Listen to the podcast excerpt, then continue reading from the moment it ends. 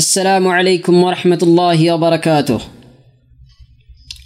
الحمد لله والصلاة والسلام على رسول الله وعلى آله وصحبه ومن- ومن والاه أما بعد শ্ৰোতামণ্ডলী আজি আমাৰ বিষয়বস্তু হৈছে ইছলামী দৃষ্টিকোণত অলিয়া অলিয়াসকলৰ অচিলা গ্ৰহণ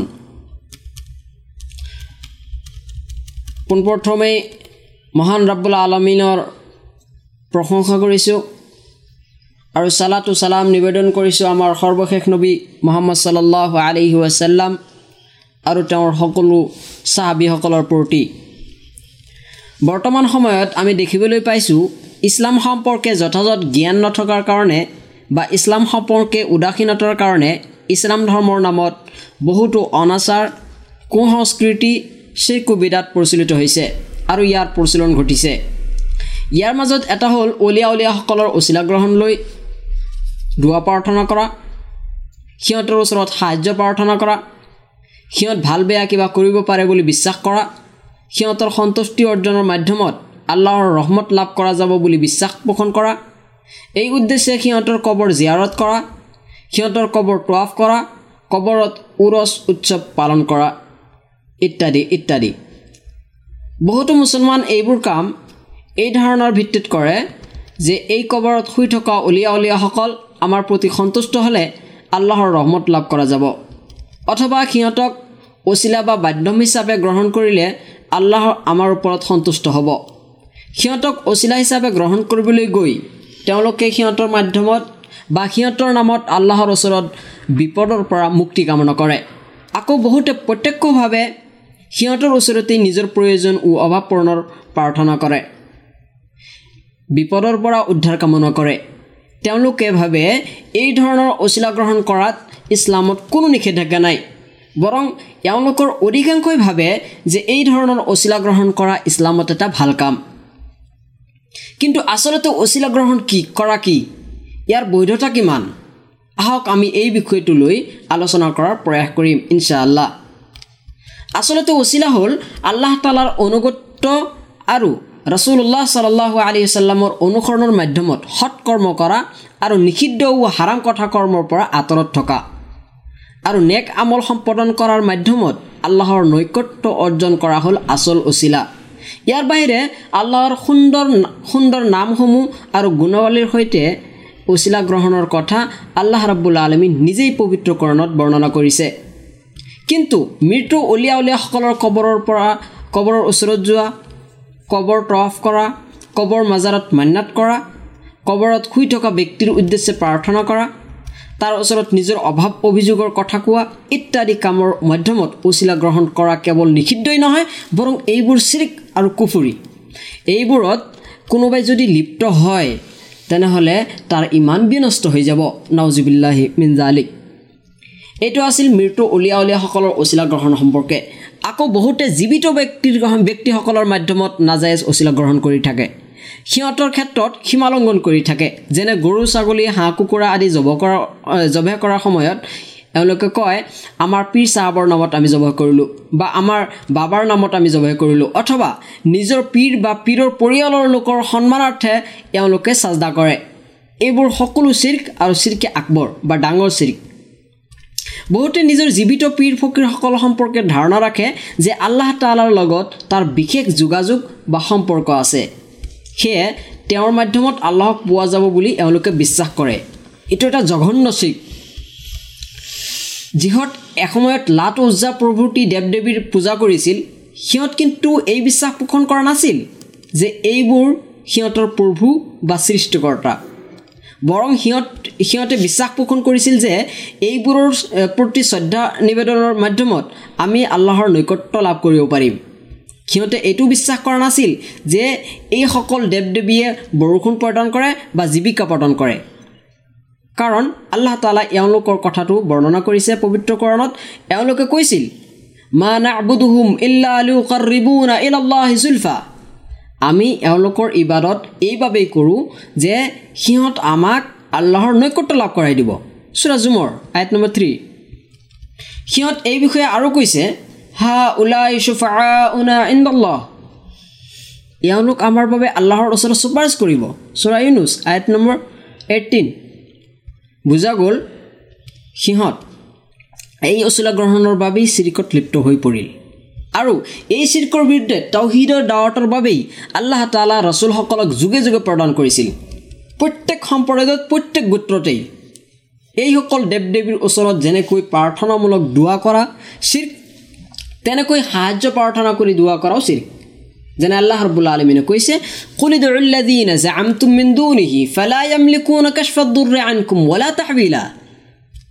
কোৱা সিহঁতক মাতা আল্লাহৰ বাহিৰে তোমালোকে যিহেতু উপাস্য বুলি ভাবিছিলা সিহঁত তোমালোকৰ দুৰ্দশা দূৰ কৰাৰ আৰু পৰিৱৰ্তন কৰাৰো ক্ষমতা নাৰাখে চাওক চুৰা ইছৰা আয়ত নম্বৰ ফিফটি ছিক্স আল্লাহ তালা আৰু কৈছে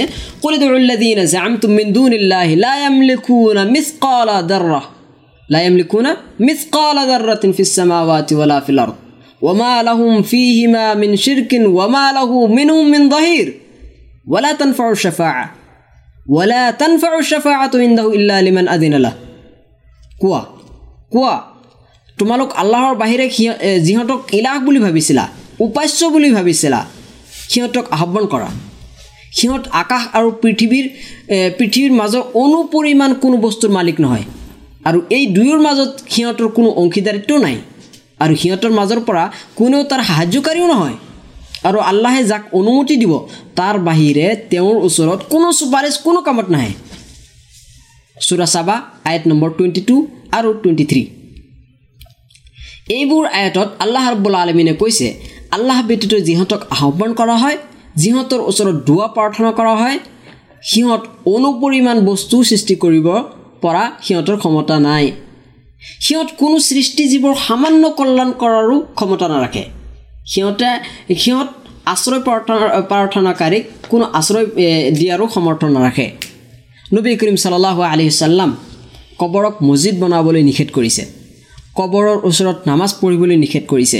কবৰক চাজদা কৰিবলৈ নিষেধ কৰিছে। তেখেত মৃত্যুৰ সময়তো এই কথাষাৰ কৈছিল। আল্লাহ তালা ইহুদী আৰু খ্ৰীষ্টানসকলৰ প্ৰতি অভিশাপপাত কৰক। সিহঁত নবীসকলৰ কবৰক ইবাৰতৰ স্থান হিচাপে গ্ৰহণ কৰিছে। আৰু ইবাৰত বন্দুগীৰ দ্বাৰা কবৰক সন্মান কৰা হ'ল। চিৰ চিৰ্কত লিপ্ত হোৱাৰ এটা বাট এটা পথ। এনেকৈ কবৰক পূজা কৰাৰ মাধ্যমে মানুহ মূৰ্তি পূজাৰ ফালে ধাবিত হয়। উমৰ ৰাজি আল্লাহ তালা আনহু দোৱাৰ বাবে আব্বাছ ৰাজি আল্লাহ তালা আনহুক অচিলা হিচাপে গ্ৰহণ কৰিছিল। এই বিষয়টো লৈ বহুতে মৃত ব্যক্তিৰ অচিলা গ্ৰহণ কৰাৰ বৈধতা প্ৰমাণ কৰাৰ প্ৰয়াস কৰে। কিন্তু উমৰ ৰাজি আল্লাহ তালা আনহু আব্বাছ ৰাজি আল্লাহ তালা আনহুৰ দোৱাক অচিলা হিচাপে গ্ৰহণ কৰিছিল। তেওঁৰ ব্যক্তিত্বক কেতিয়াও গ্ৰহণ কৰা নাছিল। আৰু আব্বাছ ৰাজি আল্লাহ তালা আনহু তেতিয়া জীৱিত আছিল। যিকোনো জীৱিত ব্যক্তিৰ দোৱাক অচিলা হিচাপে গ্ৰহণ কৰা বৈধ। উমৰ ৰাজিল্লাহ তালানুহে সেইটোৱে কৰিছিল।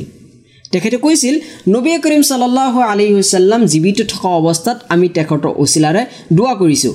এতিয়া যিহেতু তেখেত এই পৃথিৱীত নাই সেয়ে আমি তেখেতৰ খুৰা আব্বাছক দোৱা কৰাৰ ক্ষেত্ৰত অচিলা হিচাপে গ্ৰহণ কৰিলোঁ। উমৰ ৰাজিল্লাহ তালা আনহুৰ এই বক্তব্য স্পষ্ট কৰে যে তেওঁ কোনো মৃত্যু ব্যক্তিক দোৱাৰ সময়ত অচিলা হিচাপে গ্ৰহণ কৰা বৈধ বুলি ভবা নাছিল। যদিও নবীকো নহয়। বিষয়টো এনেকুৱা যে যেনে আমি কোনো সৎ বা পুণ্যৱান ব্যক্তিক কওঁ যে আমাৰ বাবে দোৱা কৰিব। কোনো আলিম বা বুজুৰ্গ ব্যক্তিৰ মাধ্যমত আমালোক নিজৰ বাবে দোৱা কৰাই থাকোঁ। এইটো এক ধৰণৰ উচিলা আৰু এইটো বৈধ।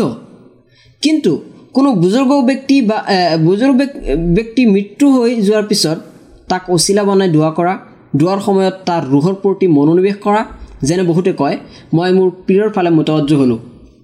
তাৰ পৰা ফয়েজ বৰকত লাভৰ ধাৰণা কৰা। এইবোৰ নিষিদ্ধ উচিত মৃত ব্যক্তি যিমানেই মৰ্যাদাবান বুজুৰ্গ নহওক কিয় সি কাৰো উপকাৰ বা অপকাৰ কৰাৰ ক্ষমতা নাৰাখে। যেতিয়া সি মৃত্যুৰ পিছত নিজৰ বাবে ভাল বেয়া একো কৰিব নোৱাৰে তেতিয়া আনৰ বাবে কিবা কৰিব পাৰিব বুলি প্ৰশ্নই নুঠে। সি কাৰো দোৱা কবলৰ ক্ষেত্ৰত কোনো ধৰণৰ ভূমিকা নাৰাখে। কাৰোবাক উপকাৰ কৰাৰ বা বিপদৰ পৰা উদ্ধাৰ কৰাৰ তাৰ কোনো ক্ষমতা নাই। নবী কৰিম চাল্লাহ আলি চাল্লাম স্পষ্টভাৱে কৈছে যে মৃত্যু ব্যক্তি নিজৰ কোনো উপকাৰ কৰিব নোৱাৰে। তেখেতে কৈছে আমাত আল ইনচান ইন কাটা আমালুহু আনহু আমালুহু ইল্লা মিন চালাছ চদকাতুন জাৰিয়া আৰু আইলমুন ইনতাফাউবিহ আৰু ৱালাদুন চালেহ ইয়াদুলাহ মানুহ যেতিয়া মৃত্যুবৰণ কৰে তেতিয়া তাৰ সকলো আমল বন্ধ হৈ যায়। কিন্তু তিনিটা কামৰ ফল সি পাই থাকে। এক নম্বৰ চটকাই জাৰিয়া অৰ্থাৎ এনেকুৱা দান যাৰ দ্বাৰা মানুহে অব্যাহতভাৱে উপকৃত হৈ থাকে। দুই নম্বৰ মানুহৰ বাবে উপকাৰী হোৱা জ্ঞান বা বিদ্যা।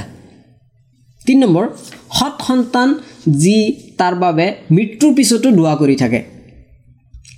হাদিছটো মুছলিম স্বৰূপে বৰ্ণনা কৰিছে। হাদিছটোৰ দ্বাৰা স্পষ্টভাৱে বুজা গ'ল যে মৃত্যু ব্যক্তিয়ে জীৱিত ব্যক্তিসকলৰ দোৱা ক্ষমা প্ৰাৰ্থনাৰ ফলত উপকাৰ পাব পাৰে। কিন্তু জীৱিত ব্যক্তিসকল মৃত্যুসকলৰ পৰা এনেকুৱা একোৱেই আকাশ আশা কৰিব নোৱাৰে। যেতিয়া হাদিছৰ দ্বাৰা প্ৰমাণিত হ'ল যে কোনো আদম সন্তান যেতিয়া মৃত্যুবৰণ কৰে তেতিয়া তাৰ সকলো আমল বন্ধ হৈ যায়। তাৰ আমলেৰে সি কোনো উপকাৰ লাভ কৰিব নোৱাৰে। তেন্তে আমি কেনেকৈ বিশ্বাস কৰোঁ যে অমুক ব্যক্তিৰ কবৰ ব্যক্তি কবৰত জীৱিত আছে? তাৰ লগত আমাৰ যোগাযোগ হয়। তেওঁ আমাৰ উপকাৰ কৰিব পাৰে। আমালোকৰ প্ৰাৰ্থনা শুনে আৰু আল্লাহৰ ওচৰত আমাৰ বাবে চুপাৰিচ কৰে। এইবোৰ সকলো অন্ধবিশ্বাস। এইবোৰ সকলো অন্ধবিশ্বাস। এইবোৰ যে শিখ তাত কোনো সন্দেহ নাই। মৃত্যু ব্যক্তিয়ে যে কবৰত একো শুনিব নোৱাৰে কোনোৱে সিহঁতক একো শুনাব নোৱাৰে এই কথাটো আল্লাহ ৰব্বুল্লা আলমিন আল কোৰাণত বৰ্ণনা কৰিছে। তেওঁ নবী কৰিম চাল্লাহ আলি চাল্লামক সম্বোধন কৰি কৈছে। ইন্নাকা লা তুচমিউল মৌথা ৱালা তুচমিউ চুম্মা দোৱা নিশ্চয় তুমি মৃত্যক শুনাব নোৱাৰিবা আৰু তুমি কলা ব্যক্তিক আহ্বান আহ্বান শুনাব নোৱাৰিবা। চাওক চৌৰানমল আইট নম্বৰ এইটটি যেতিয়া নবী কৰিম চাল্লাহ আলাইচাল্লাম কোনো মৃত্যু ব্যক্তিক শুনাব নোৱাৰে তেতিয়াহ'লে সাধাৰণ মানুহে কেনেকৈ এই অসাধ্য সাধন কৰিব পাৰে?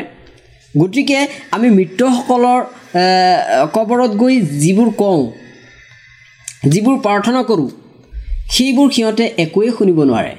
যেতিয়া সিহঁতে শুনিবই নোৱাৰে তেতিয়া সিহঁতৰ প্ৰাৰ্থনাকাৰীৰ প্ৰাৰ্থনা কেনেকৈ কোমল কৰিব? কেনেকৈ সিহঁতৰ প্ৰয়োজন আকাংক্ষা পূৰণ কৰিব? আল্লাহ তালা আল্লাহ তালা ব্যতীত যিবোৰৰ উপাসনা কৰা হয় সেই সকলো বাতিল আল্লাহ তালা নিজেই কৈছে পবিত্ৰকৰণত।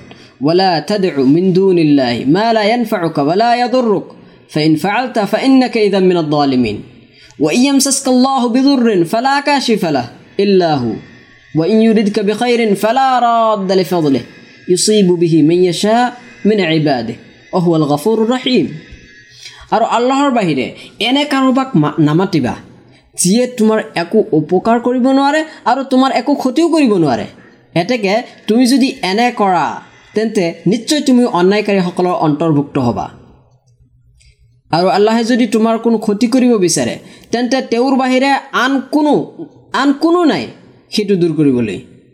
আৰু তেওঁ যদি তোমাৰ কল্যাণ কৰিব বিচাৰে তেন্তে তেওঁৰ অনুগ্ৰহৰ প্ৰতিৰোধকাৰী কোনো নাই। তেওঁ তাৰ বান্দাসকলক যাক ইচ্ছা তাকেই সেইটো প্ৰদান কৰে। আৰু তেওঁ পৰম ক্ষমাশীল অতি দয়ালু। চোৰাইনুজ eight number one six one zero' six one zero' seven. এশ ছয় এশ সাত।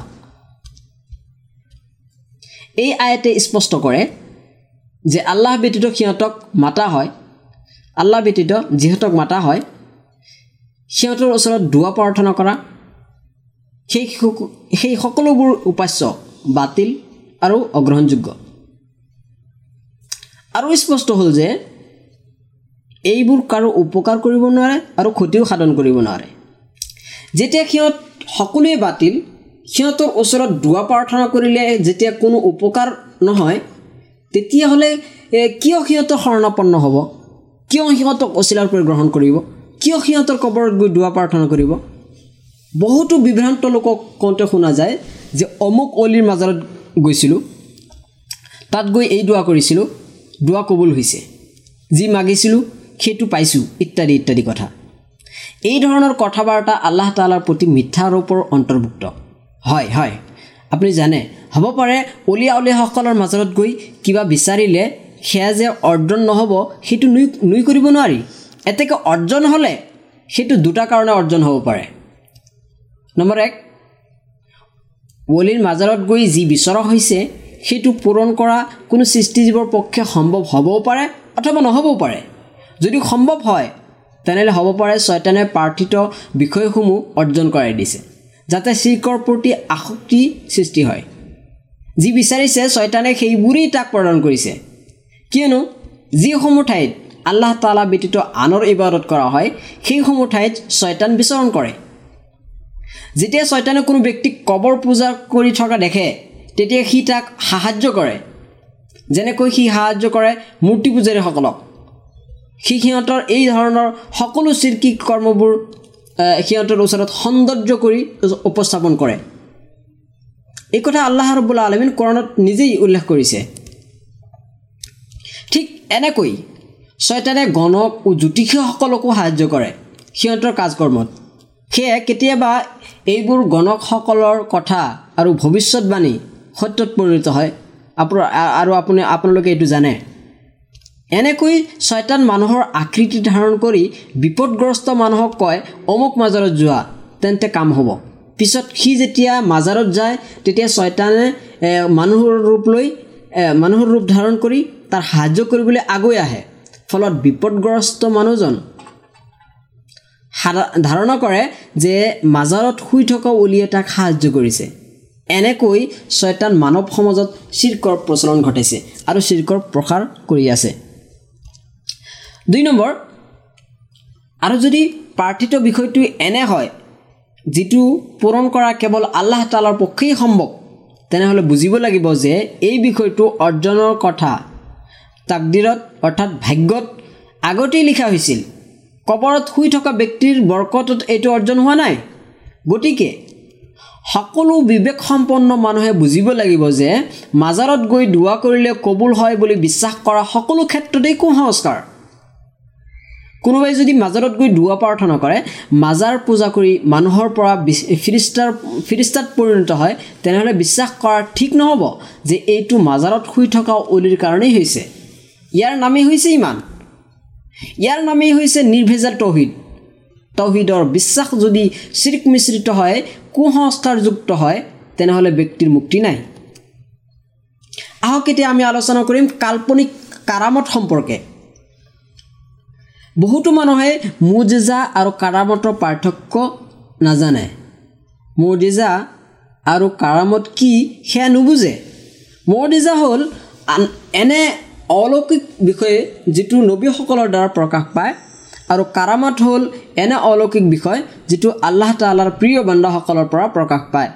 মজিজা প্ৰকাশৰ চৰ্ত হ'ল নবী বা ৰাচুল হোৱা আৰু কাৰামত প্ৰকাশৰ অৰ্থ চৰ্ত হ'ল পুণ্যৱান আৰু মুত্তাকি হোৱা। এতেকে যদি কোনো ব্যক্তি এতেকে যদি কোনো বিদাতী পীৰ ফকীৰ বা চিৰ্কত লিপ্ত ব্যক্তিসকলৰ পৰা অলৌকিক কিবা এটা প্ৰকাশ পায় তেন্তে সেইটো মজিজা নহয় কাৰামত নহয়। সেইটো হ'ল দাঁতজালি ঢোকাবাজি বা প্ৰতাৰণা বহুতো নিৰ্বোধ মানুহে ধাৰণা কৰে যে মৌদিজা বা কাৰামত মৌদিজা বা কাৰণত সাধনা বা চেষ্টা চেষ্টা প্ৰচেষ্টা কৰি অৰ্জন কৰা যায়। বা মানুহে ইচ্ছা কৰিলে সেইটো কৰিব পাৰে। সেয়ে এই অজ্ঞ লোকসকলে ধাৰণা কৰে উলিয়া উলিয়াসকল ইচ্ছা কৰিলে কাৰাবতৰ মাধ্যমত বহু কিছু ঘটাব পাৰে। বিপদৰ পৰা মানুহক উদ্ধাৰ কৰিব পাৰে। কিন্তু আচল কথা হ'ল কাৰামত কোনো ব্যক্তিৰ ইচ্ছাধীন নহয়। এইটো একমাত্ৰ আল্লাহৰ ইচ্ছাধীন। মানুহে ইচ্ছা কৰিলে কেতিয়াও কাৰামত সংঘটিত কৰিব নোৱাৰে। সি যিমানেই ডাঙৰ অলি বা পীৰ নহওক কিয় এই কথা কোনো বিবেকসম্পন্ন মানুহেই বিশ্বাস কৰিব নোৱাৰে। এজন ব্যক্তিৰ প্ৰাণ গুচি যোৱাৰ পিছত তাৰ কিবা কৰাৰ ক্ষমতা থাকে আকৌ যদি সি কবৰত গুচি যায় তেন্তে কেনেকৈ সি কিবা কিবা কৰাৰ ক্ষমতা সংৰক্ষণ কৰে? এই ধৰণৰ কথা সিহঁতেই বিশ্বাস কৰিব পাৰে। অজ্ঞতাৰ ক্ষেত্ৰত যিহঁতৰ কোনো তুলনাই নাই। অলিটো দূৰৰ কথা। কোনো নবীৰ কবৰকো পূজা কৰাৰ বৈধতা ইছলামী চৰিয়তত নাই। নবীৰ কবৰো পিছৰ কথা। জীৱিত থকাকালীন কোনো নবীৰ ইবাদত কৰা অথবা তেওঁক দেৱতাৰ জ্ঞান দেৱতাক জ্ঞান কৰি পূজা কৰা অবৈধ আৰু ইছলামত এইটো নাজায়জ এইটো ইছলামত কঠোৰভাৱে নিষিদ্ধ আল্লাহ তালাই কৈছে মা খান লিবাশৰিন আইয়ুতিয়াহুল্লাহুল কিতাব ৱাল হুকমা ৱান নুবুৱা ثم يقول للناس كونوا عبادا لي من دون الله ولكن كونوا ربانيين ولكن كونوا ربانيين بما كنتم تعلمون الكتاب وبما كنتم تدرسون ولا يأمركم أن تتخذوا الملائكة والنبيين أربابا أيأمركم بالكفر بعد إذا أنتم مسلمون কোনো মানুহৰ বাবে উচিত নহয় যে আল্লাহে তেওঁক কিতাপ শিকমত আৰু নবুৱাত প্ৰদান কৰাৰ পিছত সি মানুহক ক'ব তোমালোক আল্লাহক বাদ দি আল্লাহক এৰি মোৰ উপাসনাকাৰী হোৱা বৰং সি নিশ্চয় ক'ব তোমালোক ৰাব্বানী অথবা আল্লাহ ভক্ত হোৱা কিয়নো তোমালোকে কিতাপৰ শিক্ষা শিক্ষা দিছিলা আৰু এইটো অধ্যয়ন কৰিছিলা। আৰু তেওঁ তোমালোকক নিৰ্দেশ নকৰে যে তোমালোক ফিৰিষ্টা আৰু নবীসকলক প্ৰভুৰূপে গ্ৰহণ কৰা। তোমালোক মুছলিম হোৱাৰ পিছত তেওঁ তোমালোকক কুফুৰিৰ কুফুৰি কৰাৰ কেতিয়াও নিৰ্দেশ নিদিয়ে। চুৰা আল ইমৰাণ আইট নম্বৰ ছেভেণ্টি নাইন আৰু এইট্টি। এতিয়া হওক আমি আলোচনা কৰিম মুছলিকসকলৰ অৱস্থা আৰু অতীত ও বৰ্তমান সম্পৰ্কে। যিহঁতে কবৰ মাজাৰ আদি পূজা কৰে সিহঁতে কয় যে মুছলিক মুছলিকহঁতে মূৰ্তি পূজা কৰে। আমিতো মূৰ্তি পূজা নকৰোঁ। আমি আমাৰ পীৰ দৰবেশৰ দৰবেশসকলৰ মাজাৰত মাজাৰ জিয়াৰত কৰোঁ। এওঁলোকৰ ইবাদত বা পূজা নকৰোঁ। সিহঁতৰ অচিলাৰে আল্লাহৰ ওচৰত দুৱা প্ৰাৰ্থনা কৰোঁ যেন আল্লাহ তালাই সিহঁতৰ সন্মানৰ খাতিৰত আমালোকৰ দুৱা প্ৰাৰ্থনা কবুল কৰে। এইটো কোনো ইবাদত নহয়। এওঁলোকক আমি কওঁ মৃত ব্যক্তিৰ ওচৰত সাহাৰ্য ও বৰকত কামনা কৰা দৰাচলতে তেওঁৰ ওচৰত দুৱা কৰাৰ অন্তৰ্ভুক্ত। যেনে ইছলাম পূৰ্ব অজ্ঞতা যুগত পত্তলিকসকলে মূৰ্তিৰ ওচৰত দুৱা প্ৰাৰ্থনা কৰিছিল। গতিকে অজ্ঞতা যুগৰ মূৰ্তি পূজা আৰু বৰ্তমান যুগৰ কবৰ পূজাৰীসকলৰ মাজত কোনো পাৰ্থক্য নাই। এই দুয়োটা কৰ্মৰ কৰ্ম লক্ষ্য উদ্দেশ্যৰ ফালেৰে এক ও অভন্য যেতিয়া অজ্ঞতা যুগৰ মুচিকসকল সকলক কোৱা হ'ল তোমালোকে কিয় এই মূৰ্তিসমূহৰ ইবাদত কৰা? সিহঁততো সিহঁতেও এই একেই উত্তৰ দিছিল আৰু এই কথাই এওঁলোকে স্বীকাৰ কৰি অস্বীকাৰ কৰি কৈছিল যে মানে আবুদুহুম ইল্লা আলি উকাৰ ৰিবুনা ইল্লাহ জুলফা। আমি এওঁলোকৰ ইবাদত নকৰোঁ। কিন্তু এইবাবেই যে এওঁলোক আমাক আল্লাহৰ নৈকট্য লাভ কৰাই দিব। চৰাজুমৰ আইট নম্বৰ থ্ৰী ঠিক এইদৰে এইদৰে আমাৰ সমাজৰ কবৰ পূজাৰীসকলেও কয় যে আমি কবৰত শুই থকা অলিৰ ইবাদত নকৰোঁ তাৰ ওচৰত দোৱা নকৰোঁ। আমাৰ উদ্দেশ্যে উদ্দেশ্য কেৱল এই যে এওঁলোক আল্লাহৰ ওচৰত প্ৰিয় এওঁলোকৰ জৰিয়তে আল্লাহৰ অনুগ্ৰহ অৰ্জন কৰা যাব। এওঁ এই অলিসকলক আমি আল্লাহৰ আমি আৰু আমাৰ আমাৰ আৰু আল্লাহৰ মাজত আমি মাধ্যম বুলি অৰ্থাৎ মাধ্যম বুলি গণ্য কৰোঁ আৰু আমি ভাবোঁ। গতিকে পৰিণামৰ ফালেৰে অজ্ঞতা যুগৰ মুছলিকসকলৰ মূৰ্তি পূজা আৰু বৰ্তমান যুগৰ মুছলিম মুছলমানসকলৰ কবৰ পূজা এক ও অভিন্ন। দুয়ো একেই ধৰণৰ শিখ।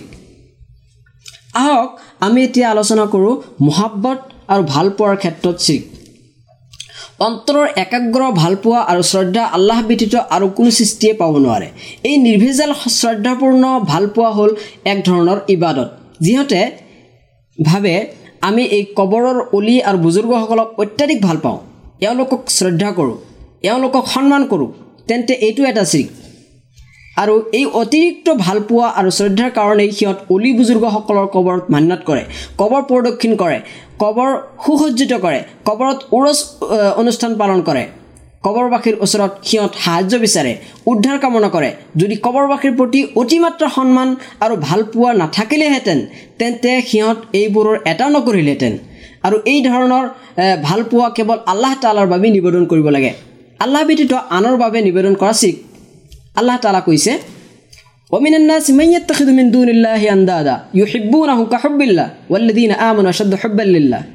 আৰু মানুহৰ মাজত এনে কিছুমান লোক আছে যিহঁতে আল্লাহৰ বাহিৰে আনক আল্লাহৰ সমকক্ষ ৰূপে গ্ৰহণ কৰে আল্লাহক ভাল পোৱাৰ দৰে সিহঁতকো ভাল পায়। আৰু যিহঁতে ইমান আনিছে সিহঁত আল্লাহৰ ভাল পোৱাত অতি দৃঢ়তম। চুৰা আল বাকাৰা eight number one fifty sixty five.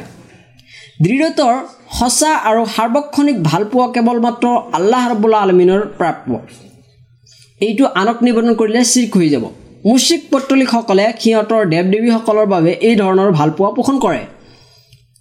Allah মানুহৰ অতি ওচৰত মানুহে আল্লাহৰ ওচৰত তাৰ প্ৰাৰ্থনা পহুচাবলৈ মাধ্যম বা অচিলাৰ প্ৰয়োজন নহয়। কিন্তু কিয়? আল্লাহ তালা কি মানুহৰ পৰা অতি আঁতৰত? আৰু মাজাৰত শুই থকা এইসকল পীৰ অলি মানুহৰ ওচৰত আল্লাহতকৈ অতি নিকট নে? কেতিয়াও নহয়। এজন ব্যক্তি যেতিয়া প্ৰাৰ্থনা কৰে তেতিয়া সকলোতকৈ আগত সেইটো প্ৰত্যক্ষ কৰে প্ৰত্যক্ষভাৱে আল্লাহৰ ওচৰত পहुঁচি যায়। পবিত্ৰ কৰণত আল্লাহ তালা কৈছে